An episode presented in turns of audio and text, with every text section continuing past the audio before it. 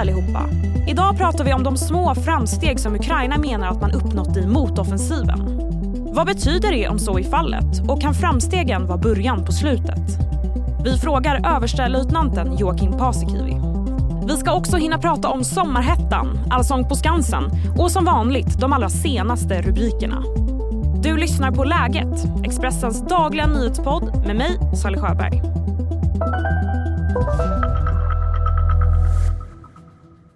Vi börjar med att berätta att en kvinna i 35-årsåldern har anhållits misstänkt för mordförsök på en 10-årig flicka i Ängelholm. Flickan hittades utomhus av förbipasserande vid 17-tiden igår och polis tillkallades.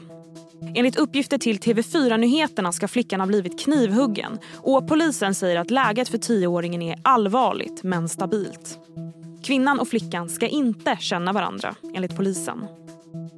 Vi lämnar Ängelholm och riktar blickarna mot Filippinerna. Nearly 13,000 people have been evacuated from their homes in the Philippines after one of the country's most active Ja, ljudet kanske kan avslöja nästa nyhet. Tiotusentals har nämligen evakuerats efter att vulkanen Mayon fått ett utbrott. Bilder från Filippinerna visar glödande floder av smält lava som sprider sig längs vulkanens sidor. Vi går vidare till en positiv nyhet för er som ofta åker tåg. SJ har nämligen lyssnat på resenärernas önskemål och sätter nu in fler avgångar i sommar. Det skriver TT. Fler tåg kommer nu att trafikera sträckan Stockholm-Göteborg som under juli och augusti får nästan 50% fler avgångar än förra året. Och nu ska vi fördjupa oss i Ukrainas motoffensiv med Joakim Paasikivi.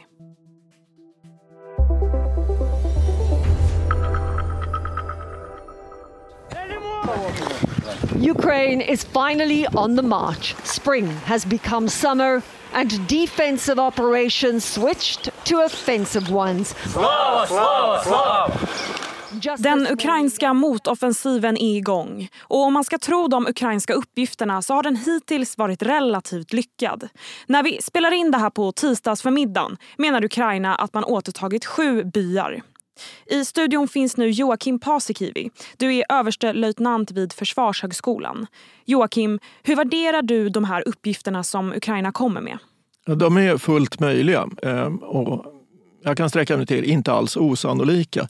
Men det är väldigt svårt. Alltså det finns inga oberoende uppgifter som stödjer det här utan vi får tro på vad de säger och, och det gör jag. Du menar att det mesta tyder på att Ukraina styr kriget just nu. Hur menar du där? Ja, att Ukraina har återtagit initiativet. Man hade det i höstas, eh, Charkiv-offensiven och sen så kom det leran i september-oktober i Donbass och lite senare nere i Charkiv, eh, Cherson. Eh, och då tog ryssarna initiativet så tillvida att de tog och gick fram mot Bachmut eh, under ett halvår drygt. Eh, så lyckades de ta fem och en halv mil, vilket i sig inte är särskilt imponerande. En, stor, en, en stad stor som Växjö, genom att skjuta bort den. Men det var de som styrde var det skulle krigas. Ukraina höll emot. Men nu å andra sidan, när Ukraina går på offensiven, då är det de som bestämmer och då är det ryssarna som parerar. Och om det nu är så att de har övertagit de här byarna, hur viktigt är det? Alltså varje befriad meter ukrainsk mark är viktigt för ukrainarna naturligtvis. Ehm, jag tror däremot inte att man har kommit fram till huvudförsvarslinjen i det ryska djupförsvaret. Alltså, ryssarna har ju grävt nu ett halvår så det finns väldigt många befästningar som, rys- eh, som eh, ukrainarna måste ta sig igenom. Och de har börjat gnaga sig igenom de första delarna av det här och det är väldigt, väldigt svårt. Och hur kan det se ut på plats där? Är det minor, eh, skyttegravar eller hur ser det ut? Allt möjligt. Ja, alltså ett djupförsvar i, där man har grävt eh, stridsvagnsgravar, det vill säga stora diken där stridsvagnar har svårt att ta sig över. Det finns betonghinder som ser ut som små pyramider, eh, draktänder eller möjligen Toblerone-linjen som en del kallar det. Eh, de är inte jättebra byggda. Eh, taggtråd, mineringar och ryska soldater. Eh, Och syftet med alla de här försvarslinjerna på den ryska sidan det är ju att bromsa takten i den ukrainska framryckningen och kanalisera den, få in dem på platser där ryssarna sen ska kunna skjuta bort dem eller en rysk rörlig reserv ska kunna slå dem. Men kan det här vara början på slutet i alla fall? Kan man prata om det på något sätt? Ja, eh, både, både om det lyckas och om det misslyckas. Eh, därför att om det nu lyckas, då tror jag att det här kan vara en, en av de avgörande striderna som man åtminstone i efterhand kan peka på och säga att ja, det här, här någonstans vann ukrainarna kriget. Eh, det här är i år i alla fall deras bästa chans. Inte den enda chansen, men den bästa chansen. Tack snälla Joakim. Tack själv. Nu blir det fler nyheter.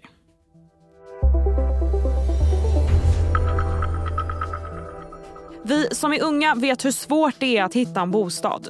Tyvärr ser det ut att kunna bli ännu värre. Bostadsbyggandet har nämligen tvärbromsat och idag håller bostadsministern och ett tiotal aktörer i branschen krismöte. Målet med mötet är att hitta en lösning på problemet så att byggandet kan sätta igång igen. Efter helgens våldsdåd i Stockholm kräver Socialdemokraterna att regeringen akut agerar mot gängkriminaliteten och specifikt rekryteringen av unga. Unga ska kunna punktmarkeras och man ska kunna få belöning om man tipsar om vapen. Det tycker Magdalena Andersson. Så förutom att få bort vapen så behöver samhället kliva in och tydligare punktmarkera barn och ungdomar i riskzon. Nu ska vi prata sommarvärme.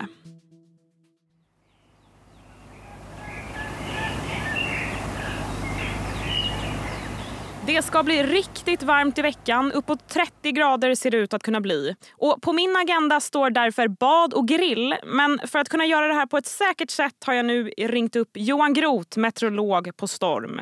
Johan, hur länge kan det hålla i sig? Ja, det ser väl ut som det här håller i sig åtminstone kan man säga nu arbetsveckan ut och sen i helgen så är det också kvar den varma luften. Det är bara det att det kan bli lite ostadigare faktiskt.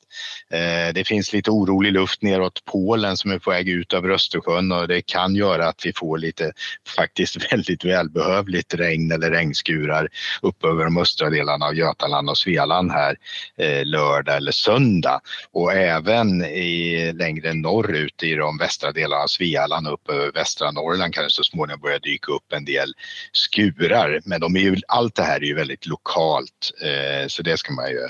Och det är klart, just när de kommer då dämpar det temperaturen lite grann. Men annars är varmluften kvar så att jag menar när det kanske sen lugnar ner sig igen då i nästa vecka så är ja, det ser fortsatt varmt ut om kanske igen inte 30 grader utan mer kring 25. Det har ju pratats om den här sommaren ska bli likt 2018. Kan man säga något mer om det nu? Kommer det vara så här varmt längre fram? Nej, det kan man väl egentligen inte säga någonting om än så länge. Eh, faktiskt inte alls, utan eh, den började ju inte riktigt som 18 om vi säger så, för maj var extremt varmt 2018. Så liksom tittar man facit bakåt så kan man säga att det var en ganska stor skillnad. Det som liknar 2018 det är att det är väldigt torrt.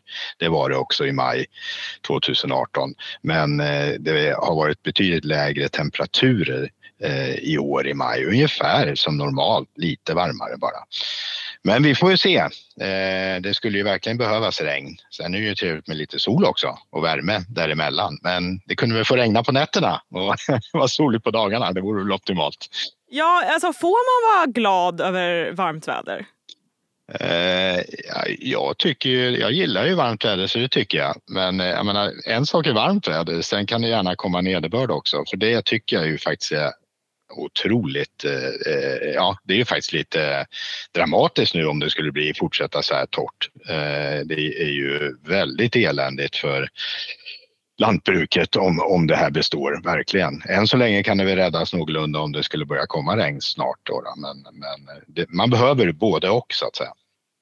Absolut. Och jag som sa här att jag skulle grilla, som du säger det är eh, torrt. Hur ska jag tänka? Ja, eh, var försiktig, verkligen. Eh, jag menar, många, jag tror en hel del områden har väl infört eh, helt enkelt förbud eh, även mot grillning på allmänna platser utan man får väl i princip bara grilla då i sin egen trädgård eller anordnat. Jag är ju vän av kolgrill, jag vill ju ha riktig grill om man ska kalla det grill men i de här lägena så är ju en elgrill eller en gasol inte så dumt då, då. Det är kanske lite tryggare. Men som sagt var, ska man grilla, grilla där det verkligen är super säkert där man eh, ser till och töm inte grillen för tidigt någonstans eller ställ in den någonstans. Gör inte det liksom, utan låt den då stå på det här trygga stället så det garanterat att det inte finns någon glöd kvar. Ja, men eh, stort tack Johan. Då vet ja. jag hur jag ska bete mig här för sommaren. Ha det så bra. Hej! Tack. Nu ska vi till Skansen.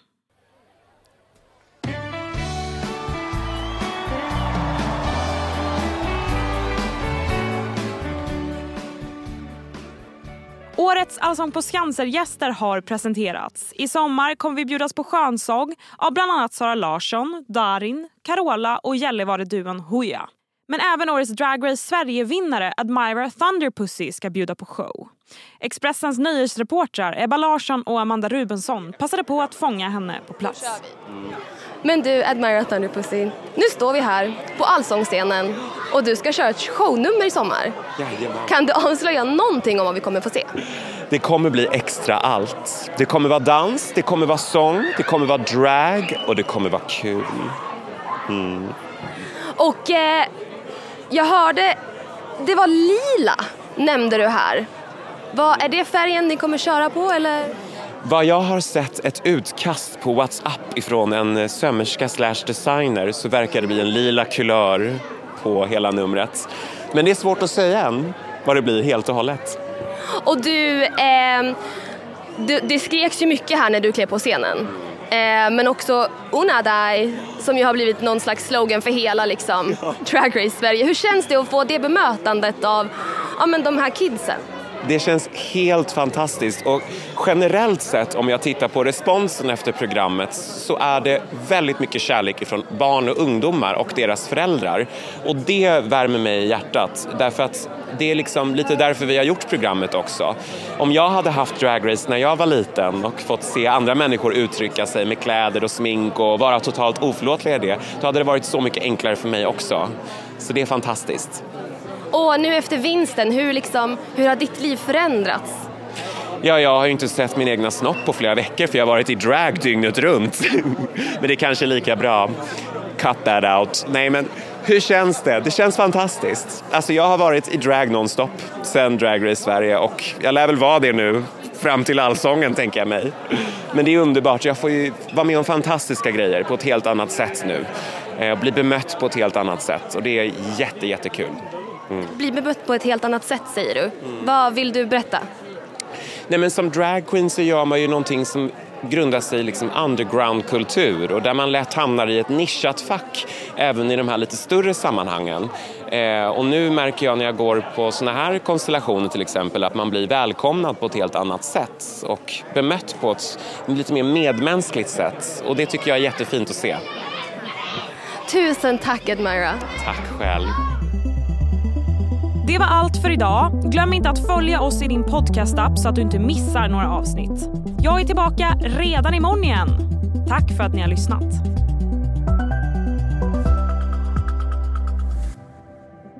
Du har lyssnat på en podcast från Expressen. Ansvarig utgivare Klas Granström